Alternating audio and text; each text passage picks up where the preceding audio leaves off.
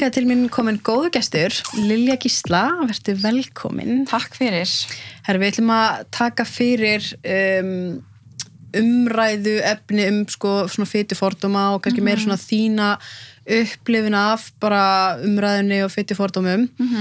Og hérna, já, þannig að uh, fyrsta sem að mér langaði bara svona að bara svona ræða um er bara svona hvernig þú ert búin að upplifa bara síðustu, segjum bara síðustu fimm ár Já, svona umræðuna sko, mér finnst það bara að fara pínu eftir plattforminu, hvernig umræðan er. mm. Uh, á Instagram finnst mér svona oftast ef að maður byrjar að tala um fyrir fordóma eða já, hvað líka um sér mynda, eitthvað tengt þessu, þá finnst mér svona fólk að hlusta og þú veist, taka þátt og svona, en ég hætti mér til dæmis ekki umræðan á Twitter. Af því þar finnst mér bara um leið og maður setur eitthvað inn um fytuforduma eða um eitthvað sem maður hefur orðið fyrir eða þú veist, eitthvað kommenti fjölmjölu með eitthvað Mm. þá kemur alltaf eitthvað, já, hann er líka svona á grönnum og þá er alltaf búið að stilla upp einhverjum hópum svona móti ykkur öðrum og finnst mm. alltaf verða eitthvað svona barningur á millir, þeir, millir þeirra sem eru grannir og þeirra sem eru feitir Mm -hmm. í staðan fyrir að þetta sé bara eitt lið, þú veist, ég vildi óska þess að við verðum bara eitt lið sem verðum bara bara nenni að hætta segja okkur hvernig við eigum að líta út skilur Mhm. þú veist og það fyrir tveitunum mér að umræðan sé alltaf svona, af því að það er enginn að segja að það sé ekki heldur umlegt þegar grannir fá sig aðtöðasemdir skilur, allavega ekki ég ég Mm. Nei, myndi nei, segja það því að ég á vinkonur sem eru grannar og fá bara ógislega mikið skýt skiluru, Mm en það því er samt ekki að segja eitthvað betra að segja að segja við feita. Eftir minnst alltaf sem sé verið að cancela út umræðinni á Twitter. Já, mér finnst þetta líka svona smá eins og hérna að við séum þú veist, það má heldur ekki gleyma forréttundunum sem grant fólk hefur. Já, þú veist það að þetta er svona what about ism svolítið sko svona, Já. þú veist, hvítir líka eða skiluru, þeir líka já, já, veist, þetta er svolítið svona algjörlega. en ég, þú veist ég er samt alveg samanlega að það á ekki að segja eða kommenta á útlitið að holda faraninn samankvæmstan er grannur eða ekki eða þegar feitur eða hvað það er Mhm. en munun er kannski þú veist að feit manneska fyrir til læknis hún fær ekki læknistjónustuna sem hún er að óska eftir af því að hún er á feit, mm Mhm. Og það er einhvern veginn svo ótrúlega oft sem fólk setur bara sama sem merkja á milli þess að vera feitur og vera óheilbröður Mhm. þú veist, bara feitir hreyfis ekki þú veist, Mhm. ég á vinkonur sem eru miklu grannri en ég, það hreyfa sig miklu minna heldur en ég, skilur þess að maður setur það bara í þannig samengi, það er það ekkert endilega sama sem merkja á milli, þú veist Mhm. og ég veit ekki alveg hvað maður finnst samt, mér finnst umræðan hafa, hún hefur alveg komist pín á síðustu fimm árum Mhm. en mér finnst hún samt, sko hún fyrir tvö skrifa áfram en svo finnst hún fara fimm aftur á bak. Einmitt. Finnst það svo ótrúlega mikið, það kemur allt í einhver engaþjálfari eða opinber persóna og bara eitthvað, þú veist já, ég er með fytufordóma, það er alltaf að læra um fytufordóma eða þú veist, í- þetta er svona það er óholt að vera feitur, veist. Já, það getur vissulega verið óholt að vera feitur en það fyrir ekki að allir feitir séu óheilbriðir, Mhm. þú veist, mér finnst það svona Já, að það tripla mig pínu. Já, að því mann líka eftir ein- einhvern punkt sem held ég Erna saði einhvern tímann að þú veist það er líka þetta með að, þeir sem eru grannir vissulega verða líka fyrir einhverju aðkasti með hérna áborður ekki nógur eitthvað svona, en, en við horfum samt á granna oftast og hugsum, þú veist, að hún er heilbreið einhvern veginn. já, og ef pælum bara kannski ekki í því eins og en við pælum miklu meira í því ef það er feitmannskja. Mhm. Að það er þessir svona, þau forréttindi líka já, sem grannir hafa vissulega. Mhm. En eh, eins og með bara svona líka, þú veist, er ekki helsti eineltis valdurinn bara í grunnskólum, eru, jú. þú veist, vegna feituforduma? jú, ég held það veist, ég hef einhver hald bara tölur um það en Nei. það er ótrúlega algengt því miður Mm og ég held, þú veist, ég hef alveg tekið þá umræðu á Instagram hjá mér, þú veist, að við, börnin læra alltaf það sem fyrir þeim er haft -hmm. og ég hef rætt þetta ótrúlega mikið, þú veist, að því að nú ég fullt af litlum frendiskinum og þau hafa alveg spurt bara, akkur er þú svona feit, akkur er þú með svona stóra bumbu, skiluru og að því að ég er bara búin að taka vinnuna, skilur, þá finnst mér ekkert mál að svara þeim, en það er mér eitthvað sem finnst þessar spurningar óþægilegar og það er alltaf að finnast þér óþægilegar. En þú veist, þegar ég hef tekið umræðana við krakkana þá hef ég síðan líka tekið hana við fóreldrana bara, veist, af hverju er hún að pæla í þessu, hún er fjara að í hugdettur, skiluru Mhm. og hérna, og það þarf ekki náttúrulega að koma að heimilinu. Þú veist, ég fór að geðvikt mikið að pæla í þessu fyrir nokkrum árum síðan þegar lilla frænka minn spurði með þessu. Og þá komist við til með að því bara, þú veist, í Peppa Pig sem er náttúrulega bara reisastórt teiknumynda þú veist, sjónvarsdóttur sem að krakkar horfa ókslega mikið á þar er alltaf verið að töngla staði eitthvað pappnar Peppu sér feitur. Og því hann sér feitur þá getur hann ekki gert þetta og getur ekki gert þitt og það er hann svo fyndið eitthvað pappunar Peppu feitir þannig að það er strax verið að búa til eitthvað svona neikvað hugrenningatengsl hjá börnum Mm. að það vera feitur er sama sem að geta ekki eitthvað eða vera að það sé eitthvað slæm mm Mhm. -hmm. því orðið feitur er bara lýsingarorð og mér finnst alltaf lægi þú veist að, þú veist, að það sé sagt bara eitthvað, þú ert feit og ég er bara eitthvað, já, ég er það en þú veist, Mhm. það er ekkert það er bara eins og að segja, þú ert sæt, þú ert með brún augu þú veist, einmitt en þegar að börnin eru fann að taka þú veist svona neikvæða punta úr samfélaginu og setja við einhver lýsingar þá verður það náttúrulega bara líka þannig að þau fara að tengja við sjálfa sig og fara að pæli hvernig líka minn þeirra lítur út. Mm og einmitt, annara krakka og fara að kommenta og holda fyrir annara krakka sem er óþarfi. Já, akkurat, að fara að tengja feitur við eitthvað slæmt. Já, ég held að það sé svona stærsti svona já, svona stærsti mystikinn sem Mm. við sem samfélag höfum bara gert í gegnum tíðina bara eins og með þessu ótrúlega mörg önnur lýsingarorð skiljuru, þú veist, Mhm. og önnur orð sem að er svona verið að reyna að taka merkinguna en neikvæða merkingu úr er það, þú veist að því við erum líka alltaf að tala um sko uh, offita eða sko þeir sem eru sem bara glíma við offitu er ekki að sama og vera feitur það er alltaf verið að tala um eitthvað svona sjú, þú veist að vera Já, einhverja, þú veist, þeir sem eru veit það ekki, hvað þú veist, bara að fara að skerða lífsgæði þín eða þú veist, þú veist, kannski Já. farin að fá einhverja ég veit það ekki, en það er samt bara veginn ekki okkar skiptu grað eða pæla, pæla í skilur og það er ekkert þú veist, ég og þú sem einstaklingar getum ekkert verið bara eitthvað, já, þess er pottið að hérna með offitu, nei, nei, nei. Þú veist já, að því að við erum ekki læknar skilur við getum ekki bara eitthvað ákveðið það þó eitthvað sé í eitthvað ákveðni stærða með eitthvað ákveðna kílotölu á viktina, getum við ekkert ákvarðað að heilbreið viðkomandi, skilur nei, við einmitt veist, er það, þú veist, eins og maður fer til læknis, er einhver, er einhver svona stöðu laðið, einhver, einhver sem er búin að meta það að þú ert yfir þessum stöðu þá ertu með offitu? Já, það er náttúrulega bara að já, hinn klassíski. Og þú veist BMI stöðlin er náttúrulega bara löngu úrælt hugtak. Já, já, já, og það er bara, þú veist geggja crossfit stelpur dæmdar sem offitu offitar, eða veist, með offitu skiluru Mhm. en út af henni miðar út frá þyngd það er bara og... þyngd og hæð Já, skilur já, já. veist, það er ekkert mikið annað inn í, inn í þeirri formúlu sko. Mhm. þannig að veist, það er bara hugtak sem er úrælt sko. Og ég líka einhvern veginn, þú veist, ég held að sé hefði pínu vond í umræðina að vera að taka eitthvað svona sjúkdómskreiningar inn í að því að við höfum ekkert með þær að gera, meina það er líka fólk sem er ofgrænt sem er með einhvers konar sjúkdóma sem við pælum bara ekki í að því að það er inn í einhver svona samfélagslega samþyktum stærðarramma, skiluru sem hinnir eru ekki. Það verðist vera svona ómögulegt uh, fyrir fólk samt að uh, taka það eitthvað inn í sátt að manneska sem er feit að hún sé samt heilbrið Já, það, er, það verðist bara ekki vera hægt. Það verðist ekki vera hægt. Og það er eiginlega ótrúlegt sko. Og það er bara já, en það er þú veist, ég á fullt af vinkonum sem eru feitar og eru heilbræðari heldur en margir sem ég þekki og bara flestir sem ég þekki, þú veist æfa meira, borða vel þú veist, eru bara fílhraustar og æ, þetta er bara þetta er svo þreytt, mm -hmm. akkur erum við líka veist, hvenar var það bara þú veist, að einhverju þing að við þyrftum að spá he í heilbrið annara einstaklinga mm -hmm. þú veist, að því að ég feit það pæli fólki í alls konar bara einhverjum svona þú veist að ég sé örglega með hjartasjúkdóma eða síkusíki eða þú veist, sé bara heimbora sítós eða whatever skiluru, þú veist, sé bara þeim pakka en það er enginn að pæli þú veist, hvort það sé einhver geran vandamáli eða hvort að ég sé með einhvern annan sjúkdóm, skilur, það er bara þessi eini sjúkdómi sem fólk er að pæli í. Mm Þú veist, og það er bara út frá því hvernig ég líti út, veist, það er ógslag fáránlegt skilur, þú veist ekki að lappa um bæin og hugsa bara eitthvað, já alltaf þessi sem mýgrinni, þú veist þetta, veist, þetta er svo fráleitt skilur er, er hérna, hefur, hefur fengið fólk sem er með áhyggjur af heilbreyðinu já, já, já, já og bara, þú veist, áhyggjur að heilbrið þú veist, feitra einstaklinga yfir höfuð.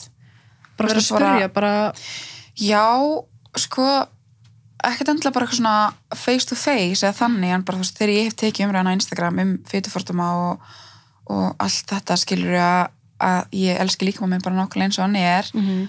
að þá við oft fengi bara en ertu ekki þú veist, hrættum að þú sérst að verða sigsjúk eða ertu ekki hrættum að þú sérst að þróa með hjart og æðasjúkdóma?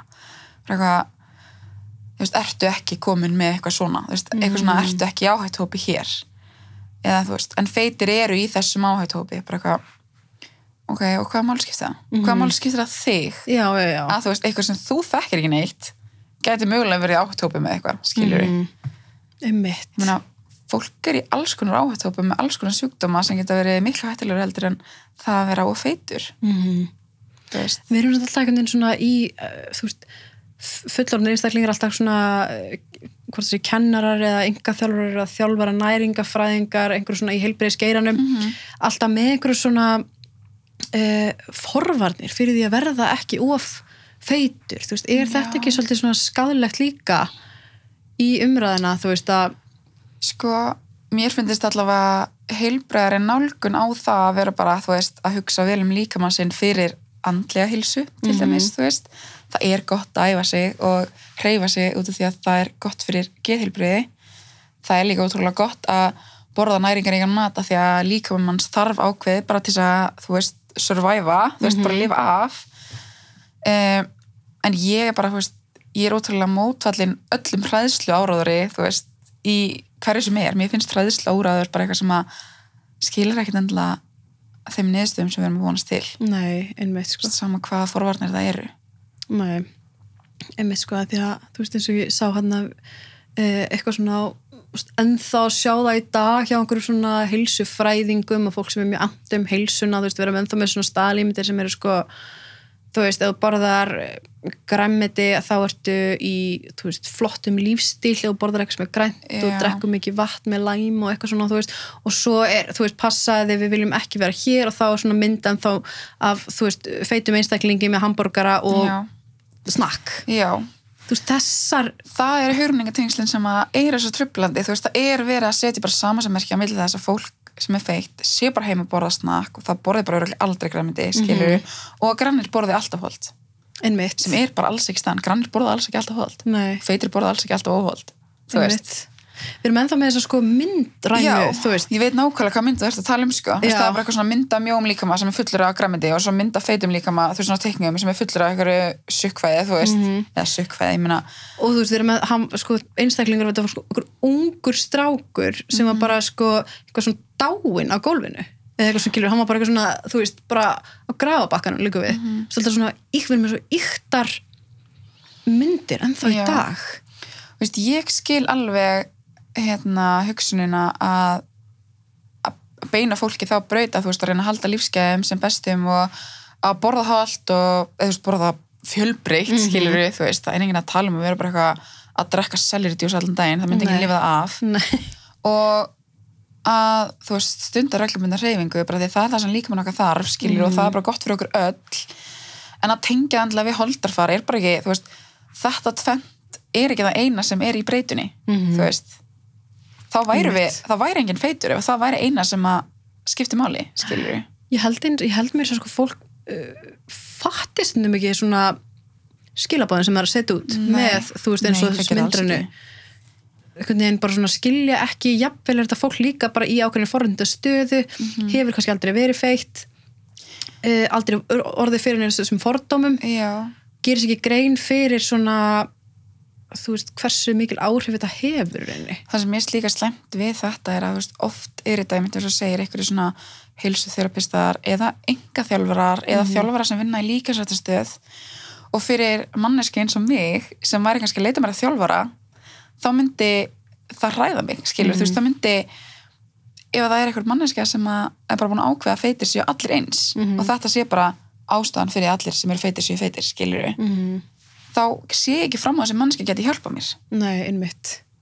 og þú veist, hvert ætti ég þá að leita? Mm svo það vantar svo mikið upp að bara fólk líka hugsi um það sem það segir. Og ég er alveg, veist, ég er óþólandi á Instagram ef ég sé fólk setja eitthvað í stóri eitthvað sem að ég sé er með, þú veist bara fytufóbiskum blæ, þú veist, bara setur inn mynd bara eitthvað að er eins og ég get ekki farið í bikini eins og kvalur, eitthvað, þú veist, eitthvað svona skiluru þá sendi ég bara hæ, bara eitthvað hérna, sá þetta hjá þér í stóri bara, vildi bara benda þér á að þetta getur komið út á mjög þú veist, niðrandi hátt fyrir feitt fólk Mhm. veit og meinar það öruglega ekki þannig skilur en vildi bara láta þið vita oftast fæði tilbaka bara vá já, takk, síðan núna bara auðvita, Mhm. bara sorry og fólk fattar það kannski ekki, það hefur ekki verið þarna hefur ekki, þú veist, Mhm. hef, þú veist það er ekki innan þeirra svona sjónlínu, skilur Mhm. En svo náttúrulega aðrið sem að bara, ég er ekki með finnina fórutuma, þú veist, bakka bara í vörn skilur Mhm. en ef við viljum ekki læra, þá breytist samfélag okkar aldrei, Mhm. það er bara þannig Einmitt, það er svo það er svo auðvelt líka að fara bara í vörn og vilja ekki horfa inn á við að hugsa þú veist ég er mögulega með einhverja fordóma Já, eða ég erfitt. geti mögulega þurft að breyta einhverju hjá mér Mhm. þú veist, ég er að læra eitthvað nýtt okkur um einasta degi Mhm. ég er öruglega oft með einhverja fordóma eða einhverjar ránkmættir um alls konar í þessum, í þessum samfélagi. En ef fólk bendir mér á og er tilbúið að eiga bara þú veist, málumnalegar samræður og fræða mig, þá er ég alltaf opin fyrir að læra eitthvað nýtt. Mhm. en ég er ekki opin fyrir að læra eitthvað nýtt um minn líkama eða hvernig ég á að vera. Nei, einmitt. Skilur hvað ég minna? Já, 100% að því það er bara svo ótrúlega mikið þannig að feitt fólk einhvern veginn alltaf þurfa að vera í því að réttlæta tilverurétt sinn og réttlæta bara sitt plás eins og Mhm. samfélagsmiðlum Þú veist, ég er hægt ef ég posta mynda mér á Instagram í bikini þá er ég ekki lengur að posta ykkur um texta bara eitthvað að allir líka mann með að vera til svona, og réttlæta það að ég posti mynda mér í afsækja orðbræði fucking bikini Mhm. á Instagram því þú þurftir ekki að gera það þú veist, þú myndir bara posta þér og verður ekki að pæla í því skiluru Mhm. akkur ætti að vera eitthvað öðruðis fyrir mig við erum bara tvær mannskjur sem umtaka nákvæmlega saman plás veist, Mhm. og gera nákvæmlega það sem að okkur hendar svo lengi sér sem ekki skada aðra Einmitt og mynda mér á bikini í skada engan sko. Nei, hefur ekki maður fengið eða posta mynda bygginni eða í einhverjum ákveðnu fötum að fólk fari svona senda þér annarkvort eitthvað skilabóð eða kommenta já, alltaf Er það? já. Hvað Já, er þá? já. Er það bara að skipta þessu ræði? ég er bara þessi óheilbrikt að ég sé að, að hérna, auglýsa offitu þú veist, að promóta óheilbriðan lífstíl ég fæ það reglulega Að þú veist að auglýsa? Já, að, hérna, að ég sé að íta undir það að hérna, aðrir vilji vera feitir.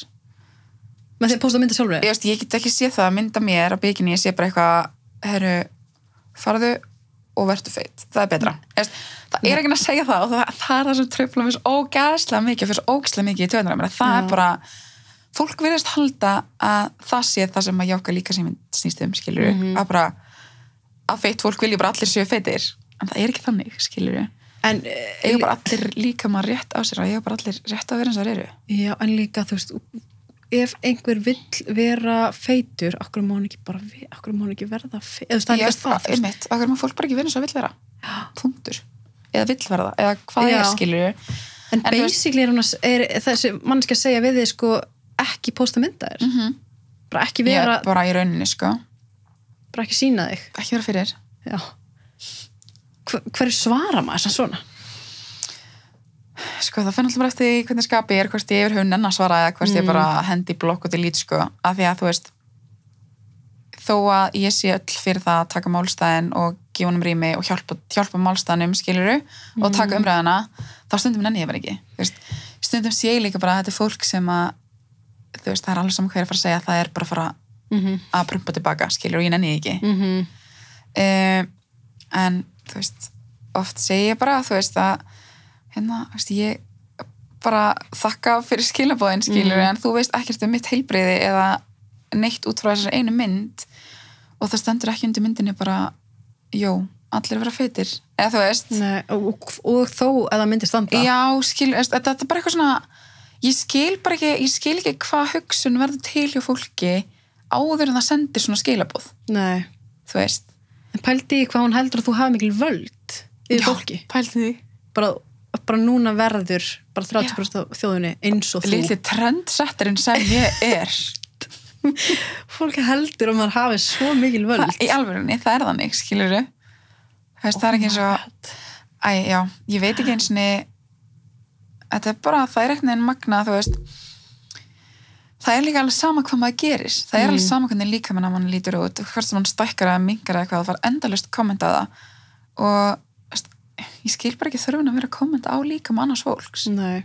þú veist mér finnst alltaf að segja að fólk lítur vel út eða bara eitthvað að ég veist ekki, bara eitthvað geggjum mynd, squeezy pie, þú Mhm. veist, lítur vel út.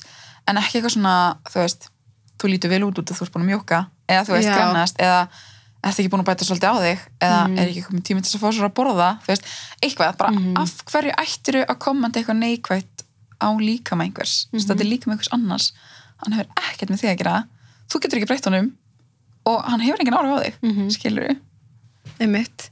En þetta hlýtur samt að, þú veist, fyrir þetta ekki, þú veist, tekur þessu ekkert nærrið? um, stundum jú af því stundum getur fólk líka bara verið virkilega ljótt Mm -hmm. Og þá, þú veist þá tekur maður alveg svona bara eitthvað stundum íhuga ég alveg áður en ég byrti ykkur mynd bara er ég tilbúin í skilabóðin sem koma í púst þessari mynd skilur Mhm. hugsa það líka þegar þú sendir mér skilabóð bara er ég tilbúin í tröllin sem að getur mögulega að fara að stað við þessu umræði, bara nenni ég því Mm -hmm. og það er bara eitthvað sem maður þarf að gera upp í sjálf sig bara eins og þú þarfst örugglega að gera því og tekur alls konar umræðir á nýttinni Mhm. bara þú veist, nenni ég að taka umræðina og en þú veist ég er bara með ógislega gott baklenda bakum mig og ég er bara ótrúlega góð vinkonur sem eru líka þú veist, bara eins Erna og þessar stelpur sem eru á þessum sama vagnu og ég. Mm og ég veit bara, ég get alltaf leita til þeirra og tala við þær. Ef að það kemur eitthvað og eitthvað kommentur undir myndina mínar þá er yfirleitt herin mættur til að svara fyrir mig. Ég þarf ekki að gera sjálf, skilur um, en svo híka ég bara heldur ekkert við að henda kommentum út sem ég er ljót, skilur Einmitt. mér finnst það bara já, þetta er bara þetta, þetta er minn miðl, þetta er mínar myndir þetta, er, þetta, er, þetta snýst um mig og mitt sem ég er að gera Mhm. ef að þú vilt ekki fylgjast með því og þið finnst það svona ógislegt farðu þá bara eitthvað annað Mm -hmm. Veist, það er líka alveg valmöguleiki, skilju þú þarft ekki að opna myndina mín og skoðana sko. Þú þarft ekki að fylgja mér þú þarft ekki að gera neitt, veist Mhm. en En er þetta samt ekki sem maður hugsa, sko, er þetta ekki samt, þú veist, þetta er svo, svona, hversu skadleg viðhorf þetta eru? Þú veist, Já. bara fyrir aðra sem hafa ekki gott bakland eða aðra sem hafa ekki sjálfströstið eða, þú veist, glíma við jafnvel bara mikið þunglindi og mikið, þú veist, sjálfskaða og alls konar, bara eitt lítið komment. Já, eða ein umræða um þú veist hvað svona líkami er óheilbreyður eða svona, þú veist, það sem einhver tengir. Já.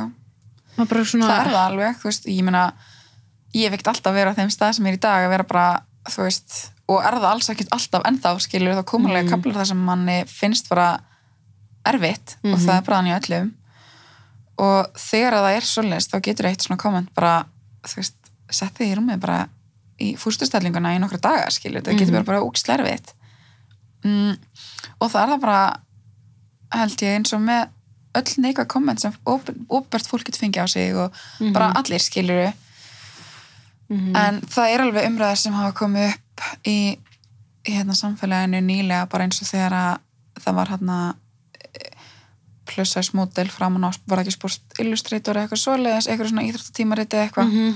og það var eitthvað trúður sem sett á Twitter að, að það var ekki flott já, hann ákveði bara að það sé ekki flott Mhm. og hann ákveði bara að það vilja allir vita að honum finnst Twitter ekki flottir, mm skilur eða þú veist Mhm. og það var alveg pínu erfitt sko. Mm.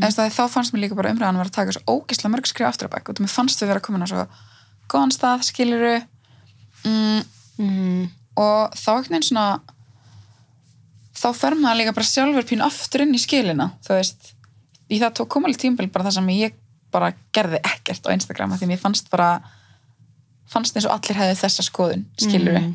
já, það fyrir bara svona inn í hausinn á manni. Já, og ég meina að þú veist, hausin á manni getur náttúrulega bara verið manns vesti óvunur og þegar það er sagt nú ofta og sérst ógisleg Mhm. og þú sérst óheilbrið og þú sérst svona og hins einn þá er þetta sérst aðlega á þig og þú ferð að trúa þig á tímbili þannig að ef fólk er ekki með gott bakland þá getur það bara verið Mhm. Þú veist, þegar ég dætt á þannig stað þá veit ég allavega að ég er með bakland sem getur, þú veist, peppa mig tilbaka og þú veist, sagt bara eitthvað halló þú veist að þetta er ekki satt Mhm. en ef þú hefur það ekki þá er það líka bara ógislega erfitt Mhm. og þess vegna líka finnst mér bara ótrúlega mikilvægt að við séum nokkrar, þú veist, með opin miðil og séum að deila myndum af alls konar líkamum og séum að tala um alls konar líkama og gefa þeim rými, þú veist, bara eins og Erna er að gera og bara margar aðrar Mhm. sem að er ekkert endilega feitar, skilur en bara þú veist, því að það, það er eitthvað bara þannig að þær sem eru í forréttinda líkama eða slíkama sem að er innan þessara skekkjumarka skiljur Mhm. sem að er samþyktir í samfélaginu þær hafa miklu meira vægi. Það er meira hlusta það er meira tekið mark á því sem að það segja fólk tekur meira mark á því. Mhm. þannig að það er líka bara það að vera þú veist í uh, hóp sem er kannski jaðsettur og þurfa alltaf að vera að taka slægin já, er miklu erfiðara heldur en þú veist þegar einhver annar sem er jafnvel í forðinstu gerir það bara, af því þú veist það er minna áreiti minna, þú veist, hefur minna Já. áhrif á við þig kannski. Það er rosa gott að hafa það með og bara ég er ótrúlega þakklátt fyrir alltaf góðstar sem að margir hafa gert mm hérna, sem eru ekki í þessum ég er setja hópi.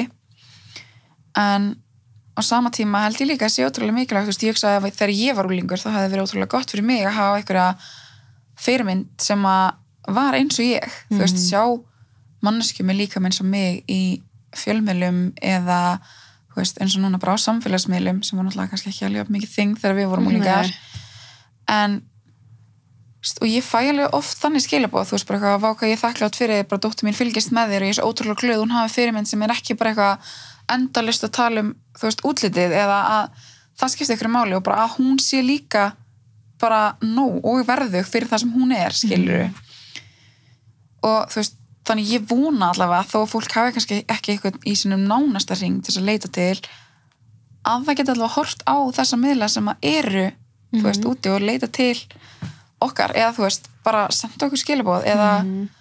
eða bara skoða það og séð bara eitthvað, ok, þú veist, þetta er ekki satt mm. þú veist, en svo líka bara svona, þú veist, að því að ég veit sjálf hvernig að, hvað, þú veist, það er erfitt eins og sagði ráðan að taka allt á slægin að vera alltaf að Já. þú veist að berjast fyrir einhverju Mhm. að þú veist það getur líka verið eins og ég sáðu póstar mynda sem skrifaði sko bara hérna fór út fyrir þægindaramenn og fór í einhver svona ákveðna buksur já, þá fyrir að hugsa, þú veist, er þetta eitthvað sem hefur áhrif á þig til dæmis að þú veist, hérna þú veist, að fara í einhver ákveðin föt. Ekki lengur sko, ekki þannig en ég held, þú veist þetta var bara, þú veist ég er alltaf í svörtum buksum, skilur fjólblóðum buksur bara er ekki eitthvað sem hefur verið inn í mínum fatastíl, skilur þú veist, þess vegna var það út fyrir þægindara mann ekki að því að ég feit, skilur, það tengdist málun ekki neitt. Mm. og ég held að það sé alveg fullt af fólki sem er, þú veist, í öðrum líkanstærðum sem að klæði sig ekki ákveðin föt út því að, þú veist, þau eru óskræpótt eða of Mhm. eitthvað lítur sem að þau hafa ekki þóra að nota eitthvað Mhm.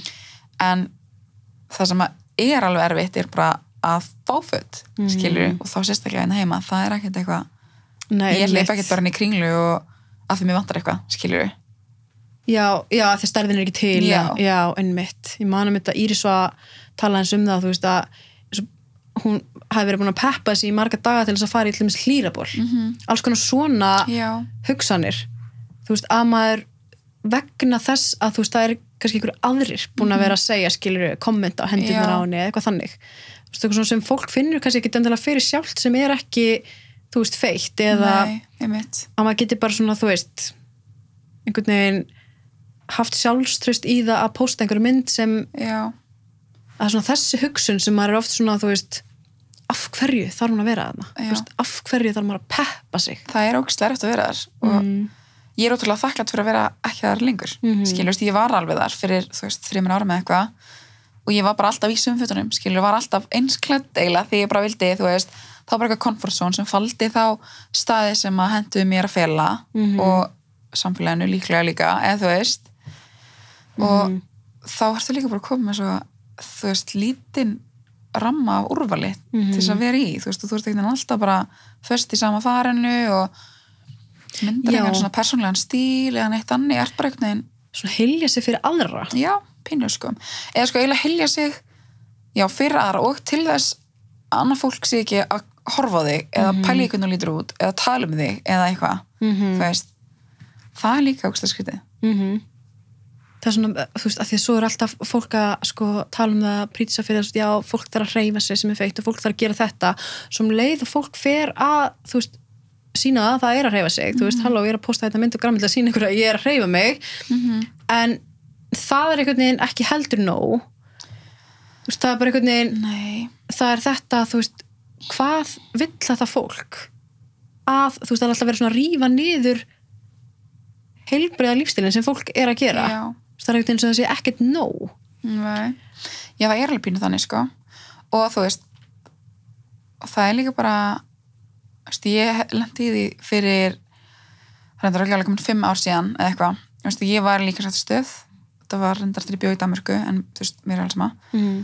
Og þá var ég bara búin að vera ógíslega dugleg, þú veist, og ég hef yfirleitt verið það, þú veist, fyrir ræktina alveg bara reglulega Mhm. og þegar ég flutti út þá bara einhvern veginn svona leið mér bara miklu betur, þú veist, ég var bara komin um, umhverjað sem ég þekkti engan og það var enginn sem að þekkti eitthvað sem þekkti mig, skilur ég, ég veist ekki, bara Ísland lítið Já, og já, þekki allir alla og allir að tala um alla og allir að skipta sér öllum. Mm ég var bara komin í eitthvað umhverjað sem ég gæti bara verið ég sjálf og fór bara á æfingu og hverjum einstu degi og bara ótrúlega dugleg og, og bara aldrei leiði vel andlega þú veist, sem að er bara, þú veist, ástæðan fyrir því að ég reyfi mér fyrir hausin á mér, þú veist, mér er alveg sama hvað ég er þung skilur ef að mér líður vel, andlega og líkamlega þá er mér alveg samræst Já, þannig var ég bara búin að vera ókslega duglega að æfa og var í ræktinni og ég var bara búin að taka geggjaðingu og var að klára bara síðustu repsin og þar eru hann eitthvað tvær skvísur sem að finna sér knúnar til þess að standa og svona pískra og benda og fara svo hlæja mér. Svo mjög augljóslega bara. Mjög augljóslega. Veist, vorum, það voru fimm manns í Mhm. sem líka sætt veist. Og veist hvernig meikar það bara sens að þegar manneskja er virkilega að vinna fyrir ykkur af hverju er það að vera að gera grína henni fyrir það Mhm. þú veist, Og hvað, líka hvað er fólk að gera grín af, já, þú veist það er mitt það skilur bara eitthvað hvað meinar þau? ég fyndi líka bara svona að ég væri með vinkonum mín og þær færi eitthvað svona kvísla og benda og hlæja á einhvern maður er bara svona, hvað er það að gera? hvað meinar þau? hvað, þú veist skil heldur ekki hvaða hérna hvað tilgangi að þjónar fyrir viðkomandi aðila þú veist, þarna þú veist, orsakaði þetta bara eitthvað ég fór heim og hringdi grænindi mömmu skilur bara, ég vil koma heim eða þú veist, maður bara lítill í sér og bara, já, og því maður er líka þegar þú ert að fara út fyrir þægindara menn þá ertu eins berskjaldur og getur orðið Mhm. þú veist, og þá er langerfiðast að fá eitthvað svona eitthvað skítkast. Mm þannig að er til dæmis, þú veist, er uh, Ísland, þú veist, finnst þér mikið um það minnst við oft er að tala um já, við erum komið svo langt í þessu og þú veist, það er svo lítið að fórtum á Íslandi, bla bla bla. En sérðu það oft? Þú sérðu það alltaf eitthvað af fyrirfórtumum eða fórtumum á Íslandi? Bara einhvers staðar. Mm. já, já. ég held ég sé bara daglega sko. Er það? Já. í hvernig mynd, bara bæði bara eins og ég var að tala um áðan bara eitthvað sem postur ykkur á mm, Instagram sem á bara að vera eitthvað brandari skiluru en þú veist þú, eitthvað svona útvarpið mjög stórt uh, sjómas auglýsingar og auglýsingar um einhverja svona hérna næringarþjálfun eða reyfingarþjálfun eru oft ótrúlega mikið á gráðsvæði þú veist. Mhm. að því að þú þarft ekki að tala um næringarþjálfun eða engaþjálfun á þann hátt að fólk þurfa að minka eða grennast eða útlitið þeirra þurfa að breytast þú veist, heldur getur það alveg verið bara til þess að styrkjast eða verða fljótari eða líða betur andlega veist. Mhm. þannig að það er svona veist, eitthvað sem margir pæla kannski ekki í og finnst bara eðlilegt en, þú veist, en af hverju er það þannig? Skilur, af hverju þurfa veist, þarf þetta snúast um að komast í form? Hvað er að komast í form? Já skilur og svo kemur alltaf þetta fólk sem ég heyri líka á móti þeir sem segir svona, já, en, mér langar bara til þess að grænast og maður er svona, ok, bara alveg. já, bara fínt. En þú verður kannski að vita af hverju þau langar að gera langar að gera þess að passa ykkur staðalímynd, mm Mhm. -hmm. alltaf læg en passa bara að gera það þannig að þér líði vel. Mhm, eða ertu að bara gera það fyrir einhvern annan? Mhm, ef þú ert ekki að gera það fyrir sjálfa þig þá getur þér ekki liðið vel með það. Mhm. og svo líka alltaf að spurningum þess bara svona skilabón sem verður að sitja út með því að þú veist, alltaf læg kannski fólki langar til að grænast eða Já. hvað sem er en samt alltaf þetta eins og þú segir, þú veist, skilabóðin sem sem er ætlað öllum. Mhm. af hverju þau þurfa að vera svona líkamsmiðuð? Já, af hverju þarf þetta að vera þannig að feitt sé sama sem verra? Mm -hmm. það er rauninni, þú veist það er ádeilan í rauninni þegar upp staðið af því að feitur og mjór er bara tvö lýsingur og þau eru bara eins og þú veist, hvert annar lýsingur stór og lítill, skilur við Mhm. maður sé líka að fólk er oft hrætt að nota orðið feitt. Já, það er það sko. Og ég var að með að tala við vinkunum mína bara í dag og hún sagði bara eitt af því mikilvægast sem þú hefur kent mér er bara að orðið feitur er bara lýsingur og það er ekki vond orð. Mhm. það er ekki neikvægt orð. Það er alltaf lægi að segja feitur. En þú veist þú þarft ekki að skilgræna einhvern út frá því bara eitthvað, æ þessi feita að það skilur, Mhm, já, já, þá þarf að skilgræna einhvern út frá því veist, það er ekki næs Mhm. ekki frekar en bara eitthvað, æ þessi mjóa að það eða þú veist, ekki eitthvað sem skilgræna fólk skilur Mhm. en þú veist, orðið feitur í grunninn er ekkert neikvægt orð. Nei, það er bara eitthvað sem við sem samfélag erum búin að búa til Mhm. sem neikvægt orð. Bara eins og svo ótrúlega mörg önnur orð sem hafa fengið eitthvað svona niðrandi merkingu í einhverju það sem fólk er að reyna að gera lítið úr hvort öðru mm þú veist bara eitthvað ég nota í niðrandi eitthvað já, svona Já, bara eitthvað æ þú hana Feit og feitubólaðin ljót. eða þú veist, Já. já, þú veist feit og ljót Mhm. eða þú veist tengja æ, við þú eitthvað svo svona feitur Mhm. og getur ekki gert neitt, æ, veist ekki það er, þú ert búið að gera eitthvað neikvægt úr því Mhm. það þarf ekki að vera það Ég sé mér þetta oft, sko, ég tek ógst ekki eftir þegar fólk er að lýsa einhverju og nota sko uh, einhver passív orð Já. í staðan fyrir feitur og notar yfirleitt eitthvað svona þippin eða þykkur eða já, eða eitthvað svona uh, stór í holdum eða eitthvað svona Mhm. maður er oft svona, ok, við komum til kannski að reyna að passa sig eða eitthvað Já. en fattar ekki alveg, þú veist að má maður ekki bara segja, þú veist, já, þú veist feit, eða feitur Málu. bara eins og ljósarð og grönn og uh, þú veist, ljósarð og feit og þú veist það er bara, þetta er bara orð mm -hmm. og það er bara búið að leggja alltaf mikla merkingi í þetta orð Mm sem er eiginlega bara galið sko. Sem er alveg fyrir fólk, en svo eru alveg sömur sem kannski sömur sem vilja ekki láta uh, en þá er það líka spurning bara svona af hverju. Já, það er mynd máli, það máli segja feitur ég er ekki, þú veist, en mér finnst bara svo mikill óþarfi að tala um líkamsbyggingu annara, mm -hmm. skilur Mm af, af hverju? Hver er tilgangurinn, -hmm. hvað gerir það fyrir okkur? Ekki neitt, þú veist en, en finnur maður, þú veist, þessu, finnur þú fyrir einhver svona, einhverjum kvíða bara vegna orðræði samfélaginu svona ef þú ferð út í búð eða þú ferð í ræktina, þú veist, þarftu að peppa þig, koma einhversum dagar sem eru bara svona Já, það kom alveg dagar sko. En þeir eru miklu færri en þeir voru þú veist að því að ég bara reyni bara að vera skýt sama hvað þeim finnst, þó að sé náttúrulega ekkert auðveld mm -hmm. um, en já, það kom alveg dagar.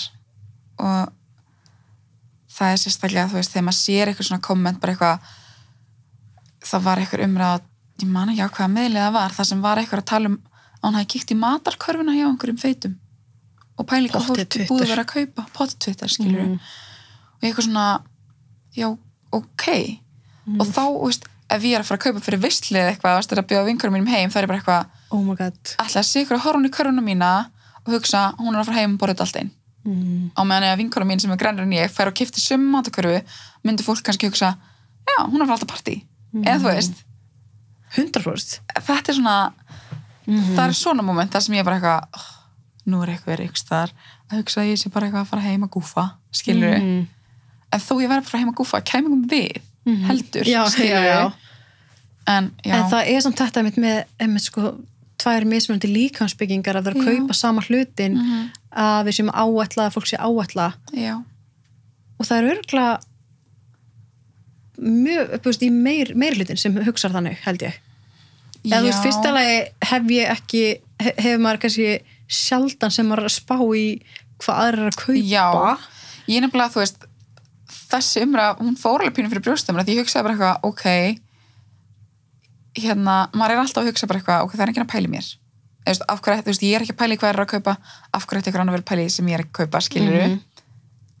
en svo sér maður svona umræð og þá voru alveg nokkri búin að kommenta bara, já, ég hef kíkt í körju á fólki bara eitthvað, og af hverju ert að pæli hvað er að kaupa? Mm Mhm. ekki það, það hefur enginn áhrif að mig eitthvað pæli í því. Nei, nei, nei. En þú veist, maður er eitthvað svona að ég veit það ekki, þetta er bara eitthvað svo skrítið er þú veist. Fólk er svo óþólandi já, eiginlega sko. Fólk er fáralega óþólandi sko. ég, en ég hugsa bara oft þú veist bara svona að því eins og þú sagði ráðan það skiptir mestu máli af öllu að manni líði vel andlega. Því að Já. manni líði vel andlega þá getur maður gert allt sem maður vil eða þú veist Já. þá maður bara mm þá líður manni bara vel. Algjörlega, og að vera þú veist þessi hugafæra sem maður er bara mér er skýtsama hvað fólki finnst ég er bara að gera mitt. En það er samt ógislega erfitt að vera þannig alltaf einhvern veginn. Eða fyrst fyrir sjálfa mig finnst mér oft sko stundum ámaða bara umla daga umla mánuð. Mhm. það er mér bara erfitt að gýra sig aftur í þetta. Já. Bara vegna einhvers eitthvað eitt sem tryggur að mann eða eitthvað. En það er alltaf bara þetta, þú veist, af hverju þarf fólk að vera svona umulega leðilegt já, af hverju þarf það að, hérna, að bögga aðra? Mm og hvað afleðingar, þú veist, að fólk líti ekki inn á mig hvað afleðingar þetta hefur fyrir annað fólk? Nei, ég held að það sé nefnilega vandamáli sko.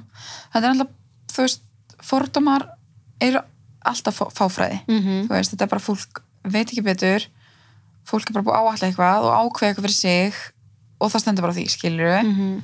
um, og síðan einmitt bara, já þetta er bara svo tilgangslust Mm -hmm. Fólk, ef, ef, er fólk einmitt hérna, eins og ef þú, þú veist, ert að taka umræðuna á samfélagsmiðlum, er fólk meira tilbúið til þess að skilja, er það tilbúið til þess að málefnalegt og spurja þig eða er það meira svona að reyna að, skóla þig til? Sko oftast er fólk alveg tilbúið til þess að læra og mér finnst það alveg ótrúlega jákvæð þróun því það var alls ekki hannig, skilur Mhm. um, en ég hef líka alveg fengið að ykkur eru tilbúin að skóla mig og það eru, þú veist, oft ykkur svona gaurar sem að halda séu betra en ég, skilur þú veist, mm -hmm. en sem er fárlegt að því við, þú veist, það er enginn betur en ykkur annars það, þú veist, við vitum alveg mismikið en við vitum líka mismikið um mismunandi hluti. Mm -hmm. og ég veit mest um mig. Þannig að það getur enginn einhver abakvæður út í bæ komið bara eitthvað og sagt mér að ég sé eitthvað. Mm af því ég veit ég er eitthvað annað, skilur við þú veist, Einmitt. En er það, ekki, er það oft, þú veist, að því mér finnst oft fólk droppa einhverjum svona tölum og vísindum og einhverjum svona fræðigreinum að þetta sé skalegt og þetta sé skalegt og já, eitthvað svoleiðis. En þú veist, vitum við ekki að mest af þessu er eitthvað svona eldgamalt, úrelt eins og þetta BMI margt og... er það þú veist, en svo getur vel verið að sé ykkur vísindarlega greina sem sína hitt og sína þetta en það eru aldrei ykkur vísindarlega eitthvað sem getur bara sett einn hóp og sagt bara þessir eru allir eins Mhm. þú veist, það, það eru allir svona sem eru svona, eða þú veist Mhm. allir feitir eru svona eða allir feitir eru jafn óheilbreyðir eða þú veist, Mm það er bara það meikar engan sens Nei. En af hverju erum við líka eins og þú sagðir áðan sko með, þú veist, þú hoppar ekkert bara í kringluna og, og fer henni hvaða búð og finnur eitthvað. Nei. Er þetta stort vandamál? Er einhver búð í kringlunum sem þú getur alltaf kanta á? Nei, Engin. ekki sem ég get alltaf treyst á eða þú veist, Þú höfðu kannski panta í litlu magni oftar. já kannski uppselt eða eitthvað. Um, Nei, það er engin búð sem ég get alltaf, alltaf treyst á hvað þetta var þar ekki, þú veist, í þessum svona stórum vestlunarkjörnum skiluru Mm -hmm. um, þú veist, ég persónulega kýsa eiginlega bara að vesla mín föt á netinu. Mm þú veist, af því þar veit ég að hverju ég geng svona oftast en það var líka bróksla langt ferli, þú veist, að læra inn á stærðirnar hjá ákveðnum merkjum Mhm. þegar maður er búin að finna það er það bara getur maður kipt, þú veist, bara eins og í ASOS þá veit ég bara hvaða merki eru hvað stærðir og Mhm. hvað passar, skiljuru, eða þú veist En er það ekki dýrara? Eða þú veist, jú, potið, þau eru upp í staði, sko, 100% og hennar en er þetta bara, en oft eru líka bara þú veist uh, plus size föt dýrari Mhm. heldur en bara venjuleg föt eða venjuleg föt innan mjög svo stóra gæðslapa mm en bara stærri stærðir eru dýrari en minni stærðir? mm Er það leifilegt það? ég veit það ekki, þú veist, oft er það bara að stærri stærðir, þú veist, það er gert eitthvað svona plus size hotn og það eru önnur föt eða þú veist, það er ekki söm föt og eru þú veist, í vestlunni skilur, það er ekki bara eitthvað smól upp í, þú veist Mm -hmm. 6XL eða hvað það er skilur heldur bara smól upp í ekstra smól ekstra, ekstra large og svo einhver annars, annars þar í búðinni eru þú veist hinn, það er rosalega mörgum verslunum þannig. Mm. og þá er þú veist, þá er það bara sér verðlegt og sér framleiðslega skilur en ég þú veist, þetta er aðlagast, þetta var verra. Mm þú veist, það er alveg einhverja verslanir núna í þessum hérna, verslana viðstöðum sem eru með stærðir sem eru stærri heldur en extra large -hmm. það er ekki alltaf panta inn nóg mikið magn held ég af stærri stærðunum að því að það er kannski bara ekki komið nóg mikil reynsla á það eða eitthvað, en það er, það er alveg ótrúlega mikil vitundavakning á meðal um, verslana held ég, mér, veist, mér finnst það. Mhm. með hvernig var bara fyrir nokkrum árum. Svo maður svona miða við, en er það samt ekki bara ekki svona ógislega eðlileg krafa að gera að þú getur farið út í búð. Mér finnst það, Já. en það finnst það alls ekki öllum. En þú veist mér finnst bara eðlileg krafa að allir getur farið og kipt sér föt. Einmitt. Af því að við ætlumst til þess að allir séu í fötum. Mm það sem er kannski erfiðast að finna á Íslandi eru íþróttaföt. Mhm. og það er náttúrulega meikar heldur engan sens ef að þú veist, feitt fólk fær ekki föt til þess að nota við íþróttaiðkun. Mhm. hvernig á það þá að vera að reyfa sig, mm. skilur eins og sé ekki gert ráð fyrir því að, að feiti hreyfi sig já, pínu þannig sko en á Íslandi hvar þú veist uh, ef þú ætla bara að hoppa út í búð og kaupa ræmi hérna íþróttabur sem er slitnu, hvert myndir þú bara fara? um, sko ég myndi að byrja á að kíkja í Nike Mhm. en þeir eru oft með þeir eru með einhverjar buksur í stærri stærðum annars hugsa ég bara körfi veist, Mhm. þar er ég vel tægt að fá eitthvað. En það er þá svona sérbúð. já, en þú veist það er svona svona. Það er bara á Já, netinu. já, ég veist það held á netinu. Eða Erlendis. Það er oft mjög þægild að vesla brúti þegar maður fyrir út. Mm þetta er samt svo styrla að maður sé að gera eitthvað svona kru, að sé, veist, að sé einhver krafa að gera að maður, að sé ekki bara alltaf aðgengi af fötum. Já, það er eiginlega smá til skammar. Já, og það er alveg eitthvað sem við erum bara margar búin að benda á samfélagsmiðlum í nokkur ár mm. þú veist. Og nokkur ár, já, það er galið. Það er galið sko. En þú veist, maður verður líka hrósið sem er vel er gert og það er alveg margir búin að taka, taka sig á og það er alveg verslanir farnar að bjóða upp á þú veist, einhverju vörunúmer í stærri númerum og allt þetta og það er bara frábært en það má og er rými fyrir svo ótrúlega miklar breytingar Mhm. og þetta er ekkert bara fyrir konur, þetta er líka fyrir kalla mm Mhm. skilur við Hanna, og þú veist, og eflust er þetta líka fyrir þær sem eru í petit stærðum Mhm. það er ekkert endilega til alltaf fyrir þær heldur Mhm. skilur við En samt eins og, þú veist, ef maður fer í háum þá er bara, þú veist, extra small, xx small, Já. bara í sko miljónatali. HM er náttúrulega búin að taka út plus S deildina sína Það? bara, það er bara hægt að vesla hann á netinu í þeim löndum sem hún er á netinu What? var það þannig síðast rifið sig Út af hverju?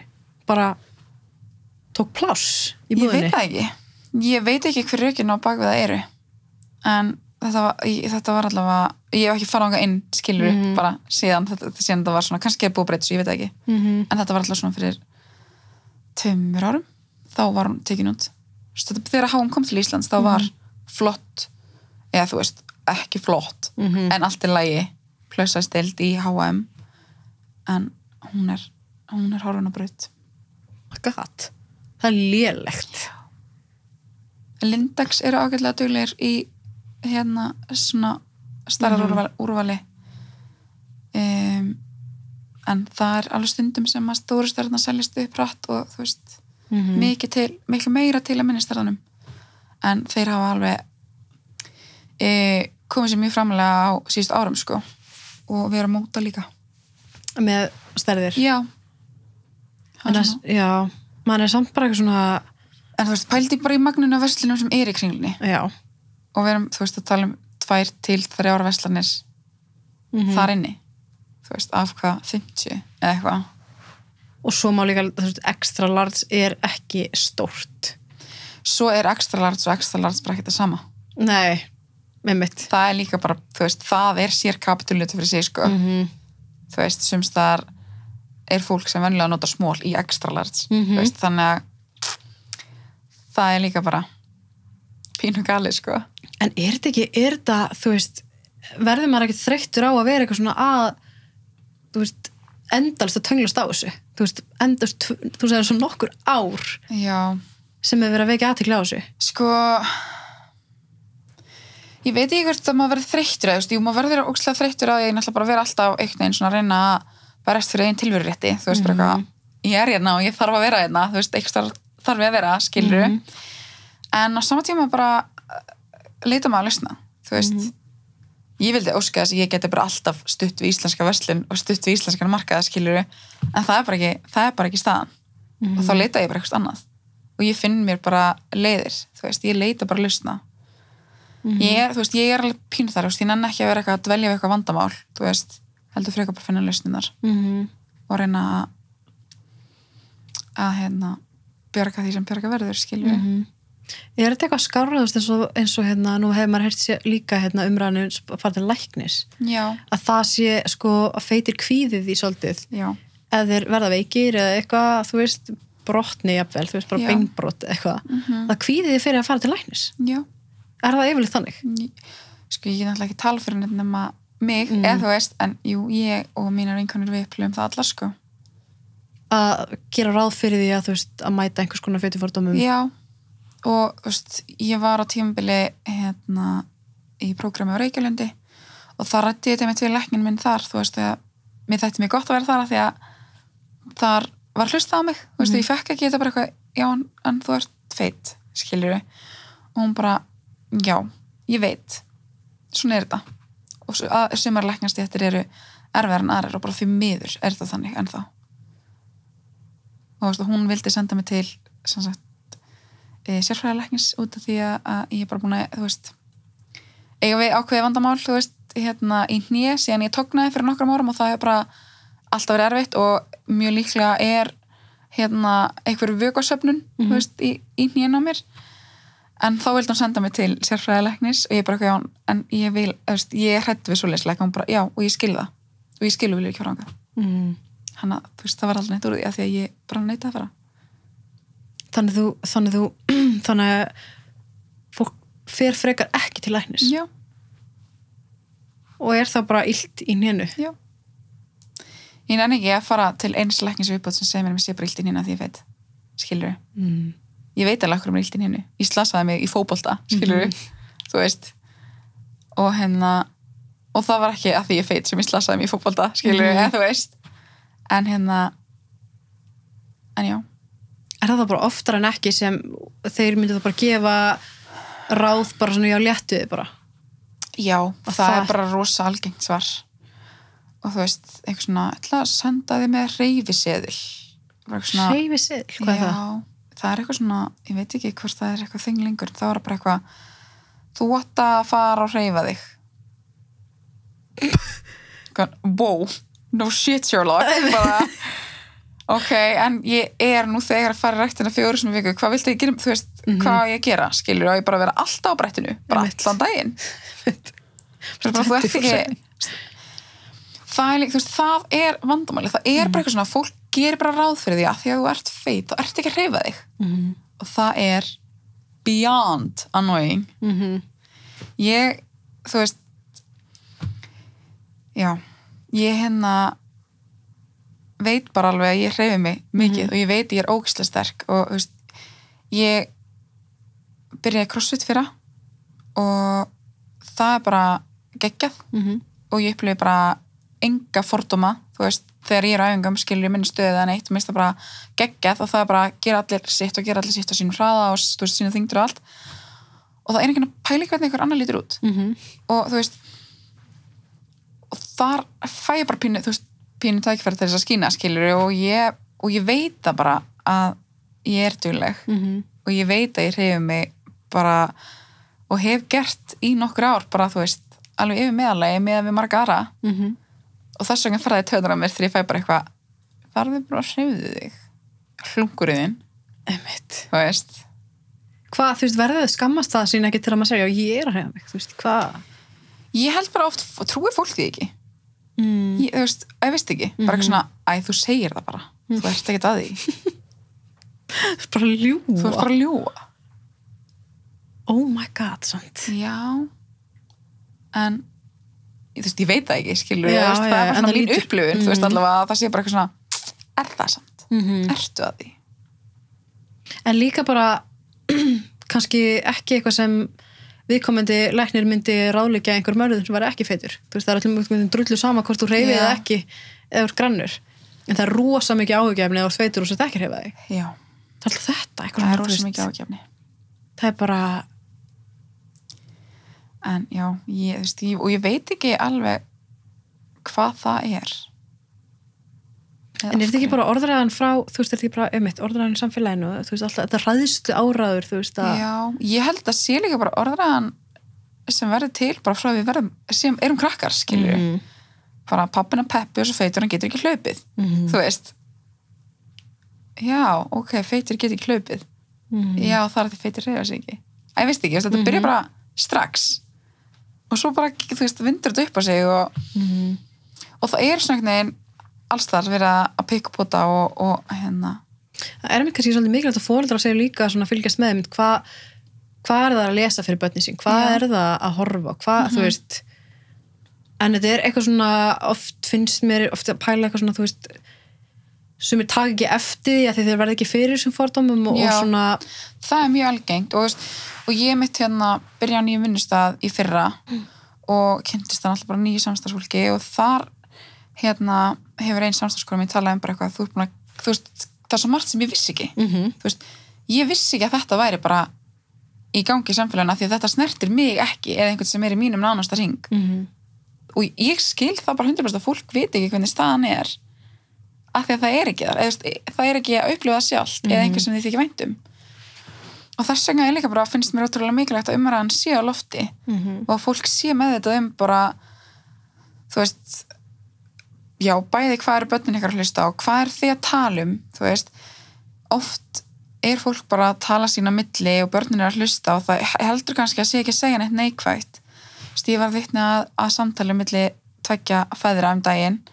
Bara, þú veist, menn sem ég þekki vel og þeir hafa enga fórtum að gagast mér eða feitu fólki og, veist, og bara eru bara mjög nánir minni, þú veist, mér og hérna, þeir eru eitthvað að tala um einhvern félaga sinn og bara, já, hann er búin að fitna hann er svolítið feitur. Og, veist, eitthvað svona veist, og rosa mikið að tala, ekkert eitthvað á neikvæðan bara tala um holdarfarans og ég er svona eitthvað hei, strákar það eru börnin í rýminu veist, í herbygginu og eigum við ekki að reyna að, sína börnunum okkar að við tölum ekki um holdarfrannara og það kemur okkur ekki við? Mhm. þeir bara, vá, jú, góða punktur bara, vá, auðvitað eigum við ekki að tala um hann svona skiptir enga máli hvort hann hefur fitnað eða ekki. Mhm. það breytir engu, þú veist, þú hittir hann er hann ennþá, líður hann ennþá vel, er hann ennþá hress? Hvað er hann að gera, veist, það skiptir enga máli hvort hann sé 10 kilum þingra eða léttar en hann var þegar þú hittir hann síðast, Mhm. Þú veist, af hverju verður það alltaf umræðabundurinn, einmitt, það er mjög góða punktur sko.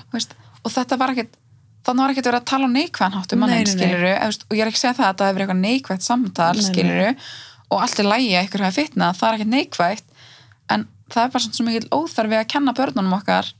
Eða þú veist, er náttúrulega ekki þurfa að kenna en það heldur bara að þau eru þarna og heyra og þau læra það sem þau heyra að tala um eitthvað sér feitur. Af því að við viljum ekki að börnunum okkar fara svo í lýskólan og að segja eitthvað bara eitthvað, hei þú ert feitur.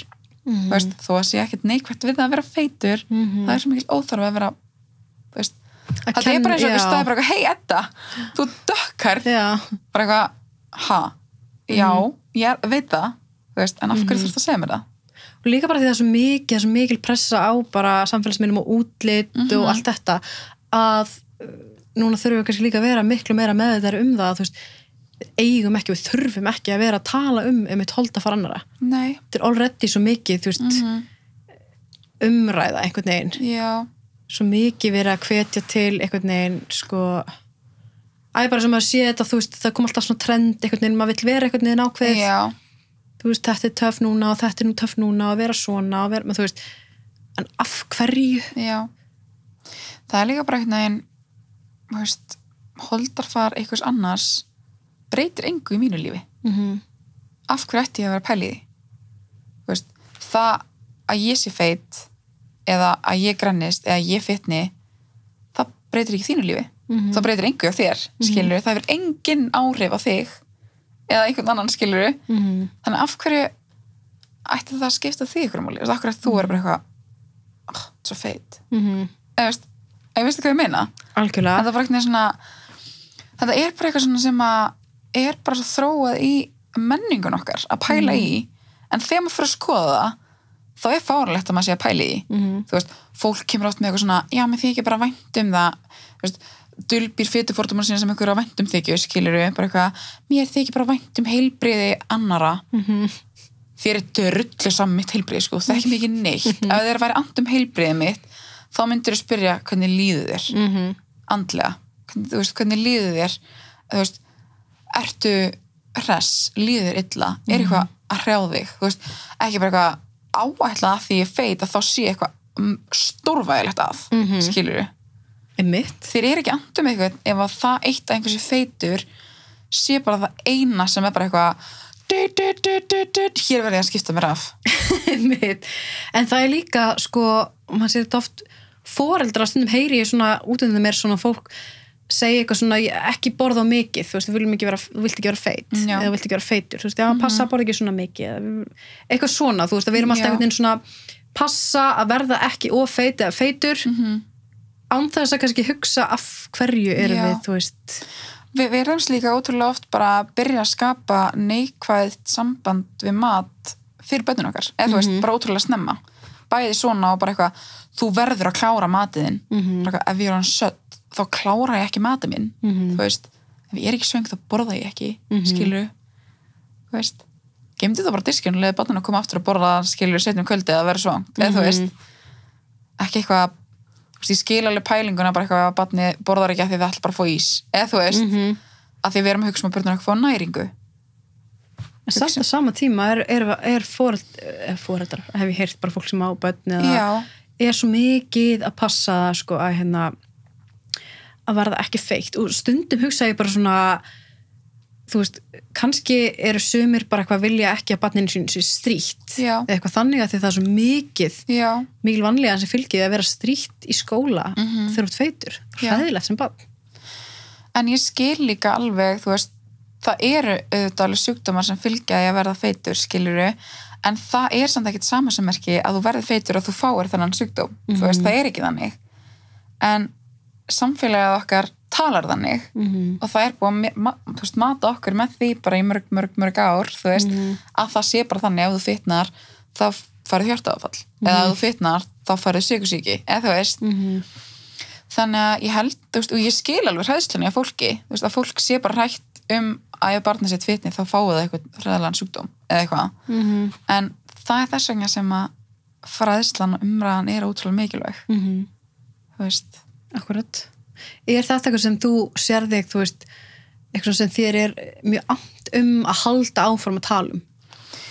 Já, þú veist, mér er mjög andum það, sko, mér er kannski aðalega andum bara að fólk svona normaliseri alls konar líkama. Mm. Að allir líkamar eru bara venjulegi líkamar og allir líkamar hafa sama tilveru rétt. Mm -hmm.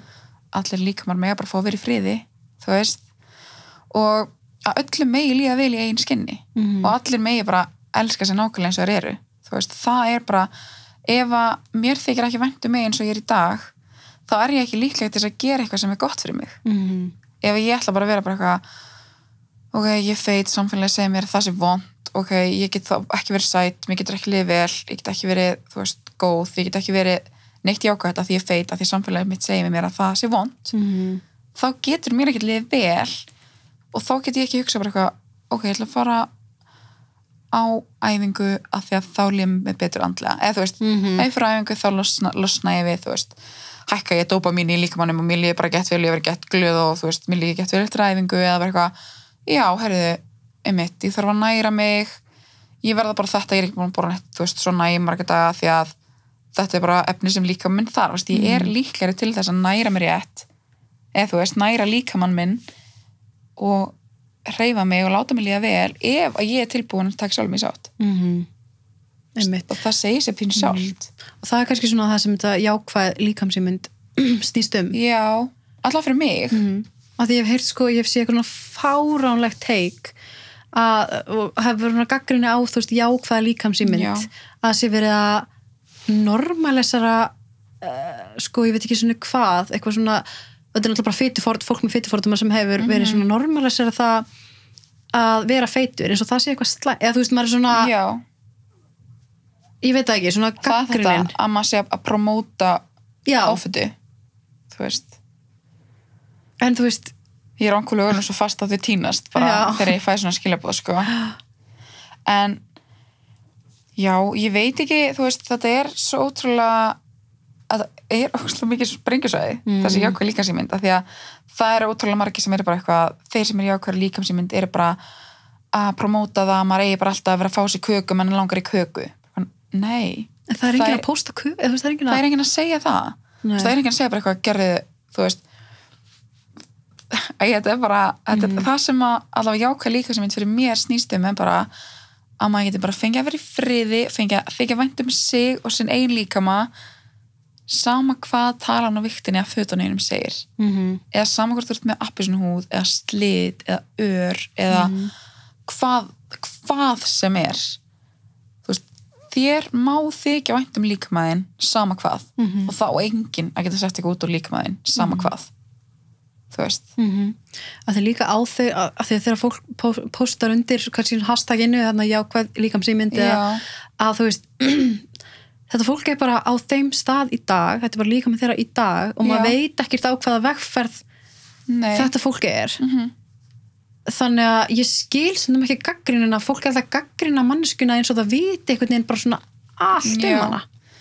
Einmitt, þannig að þetta er svo, svona, þetta er svo, þetta er svo fáránlega gaggrin einhvern veginn. Já. En mér er líka bara ótrúlega mikilvægt þú veist, að maður geti elska líkamæðin sinni eins og hann er eins og hann var og eins og hann mögulega verður mm -hmm. án þess að maður sé eitthvað þú veist, að pæla í því hvernig hann verður en þú veist líkamæn minn hefur bara breyst ótrúlega mikið í síðustu mánuðum og það hefur bara verið ótrúlega erfitt að læra að elska líkamæn minn með þeim breytingum sem að hafa átt sér stað mm -hmm.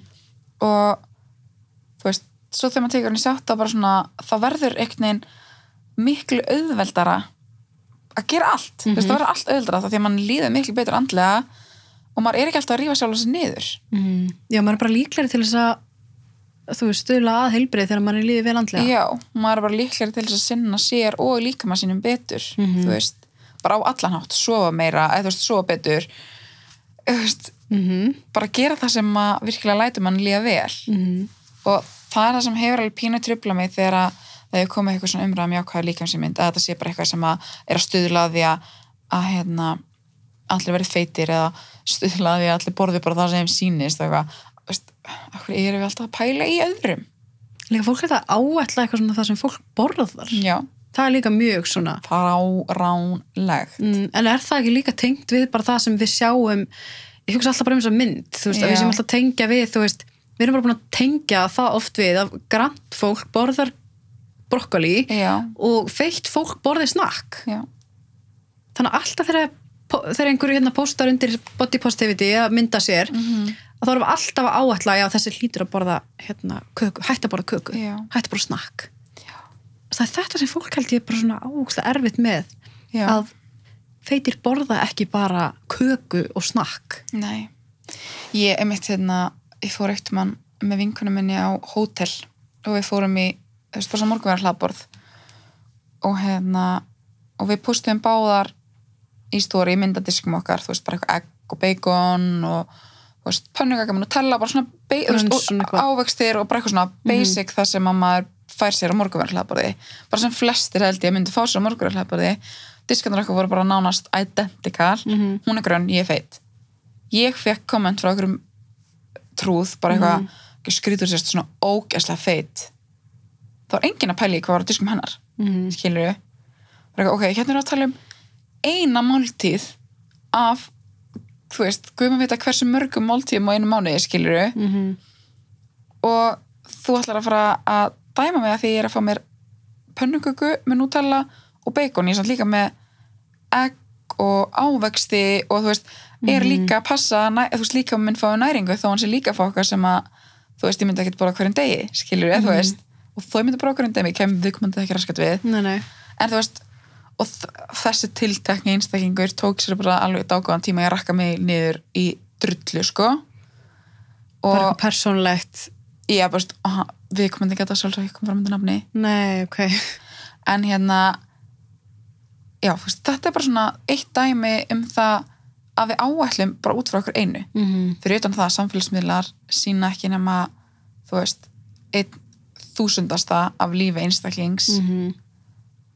þú getur aldrei sett þig í spór eitthvað annars þú getur aldrei verið nákvæm, á nákvæmlega samanstæða að gera nákvæmlega sömu hluti í nákvæmlega sömu aðstöðu, aðstæðu Mhm. nákvæmlega saman stað og eitthvað annar þannig að þú hefur rauninni engan rétt til að dæma það hvernig, þú veist, önnur manneska lítur út Mhm. eða hvað hún er að gera, skilur við Þetta er líka bara svo þessi trúður eins og þú sagðir, þú veist, hann kom ekki undir nafni, þá var Nei. maður svona, oh, þú veist, þetta er alltaf sama, þetta er bara eitthvað svona, ég er farin að halda fólki sem líður bara ógeðslega illa, bara fólki Já. sem er bara eitthvað, þú veist, en það er samt bara svo óþólandi að Mhm. fólk megi alltaf uh, skýla sér bak við það að því þýlið illa eða þau sjá slæmstæði lífinu þá með það koma illa fram við aðra. Mm en þetta er bara svo er bara- mikið um þetta er svo mikið svona bara þú veist, að því enginn sem ég þekki myndi eða þú veist sem ég þekki, svona mínum instarhing myndi actually kommenta svona. Þú veist, stundið þegar maður sko kommentakerfi eða fólk sem er að fá svona Já, kommenta sem maður hugsa bara svona hvað fólk er þetta? Nei, en þú veist eh, þannig hugsa oft bara svona, þetta er örgulega fólk það hefur ekkert að gera með þig eða mig. Nei, örgulega ekki. Það hefur eitthvað að gera með bara, hann þarf einhverja bara, Eitthvað átlegt bara. Já. Mm en ógstæða leiðilegt þú veist, þannig að eins og þú veist, maður veit aldrei hvernig maður hittir á fólk sem þú hefur bara verið í einhverju þú veist, bara áttu einhvern erfiðan dag. -hmm. að hvernig þetta hittir á fólk. Já, veist, þetta komment kom á mig bara áður en að ég var byrjuð að, að hérna, þú veist, takla jákvæða líka sem eins og ég hef, gert síst ár, sko, mm þetta var bara, þetta var pre-covid, skilur mm -hmm. en ég hefði takla alltaf í þessu dag, heldur en ég gerði þá, Mhm. þú veist, en, já, þetta er bara svona, já, ég veit ekki eins og hvað ég á að segja meira, bara, veist, ég skil bara ekki þörfina hjá fólki í að láta öðrum líða illa. Nei, af hverju? Hvað heldur við að það hafi upp á sig? Heldur við virkilega ef að þú sendir ykkur um skilabó og segir hann um að hún sé feit og ógisleg eða sendir henni skilabó bara eitthvað að þú ert óheilbreið og gerði eitthvað í málunum heldur að það sé eitthvað sem er að fara að virka? mm líka virka fyrir hvað? Þú veist, Já, þú veist, ég veist, virka fyrir það sem þetta fólk heldur að, veist, að það hjálpi einhverjum að komast í það að fara að koma sér í form innan stærsta gæsalappa í heimi. Og svo er það endilega eitthvað markmið hjá fólki sem er að, þú veist, maður hugsa stundum bara svona að því að maður veit eins og sagðir, þeim er drullu sama um heilbrið annara, Já, þeim er það. En af hverju er það þá að kommenta? já, einmitt, það er svona, þú veist Ef það þú er- ert að kommenta hugsa af hverju þú gera það Mhm. please Já, einmitt sko en já, ég held að eins og ég, ég er alltaf að hérna, reyna að finna svona nýja og nýja til þess að fylgjast með sem eru bara með svona bara skoðanir á ymsu bara Já. svona einhverja fræðast um eitthvað eða einhverja, þú veist, að taka einhverja umræður sem er svo ekki sjálfsagt að taka mm -hmm. það er ekki sjálfsagt að þessi og þessi sé að taka einhverja umræður að fræða annað fólk eða, þú Nei, veist. Þannig að mér finnst allan að ókslega gaman að fylgjast með þér og fleirum. Mm og hérna, þannig ég vona bara að þú haldir áfram að deila einhverju svona einhverjum punktum hér og þar, þú veist. Já, ég ég þetta ekki þessu sko. Eist, mér finnst bara málefnið mikilvægt Mhm. og bara eins og mörg önnum málefni þú veist. Um, og mér finnst líka bara mikilvægt að það sé ykkur sem er feitur sem að er að tala um þetta. Mm Mhm. það er ekkert sjálfsagt. Að Nei. nanni skiluru og ég skil alveg að nanni ekkert allir. Nei, og stundum nanni ég bara alls ekki. Einmitt. en- en það er líka bara hugafarið, þú veist, bursi frá bara hvaða máli sem maður taka eins og þú sagðir á hann, þú veist að komast á þann stað sem mann er bara mér er alveg sama hvað Mhm. öðrum finnst, þú veist. Það geta margir allt erfiðan dag en að vera bara komin á þann stað, maður er bara mér er alveg sama, mm -hmm. bara, ég ætla bara að gera sem ég vil, ég ætla að posta þessari mynd, ég ætla, að, ég ætla að tala um þetta og mér er bara alveg sama hvað ykkur finnst. Það er svo mikið frelsi líka. Já það er ekkert alltaf daga. Stundum mamma bara eitthvað ok, nei, Mhm. ég nenni ekki. Þetta er bara algjörlega en ég von allavega bara að fólk sé tilbúið til þess að opna hugan og fræða sig og gefa bara öllum rými af því að þú veist eins og ég er búin að tönglast á þú ferð ekki holdar fara eitthvað annars breytt og það hefur heldur ekkert áhrif á þitt líf. Mm þú veist, algjörlega. Bara takk aðeinslega fyrir að koma og takk fyrir mig takk sem er þess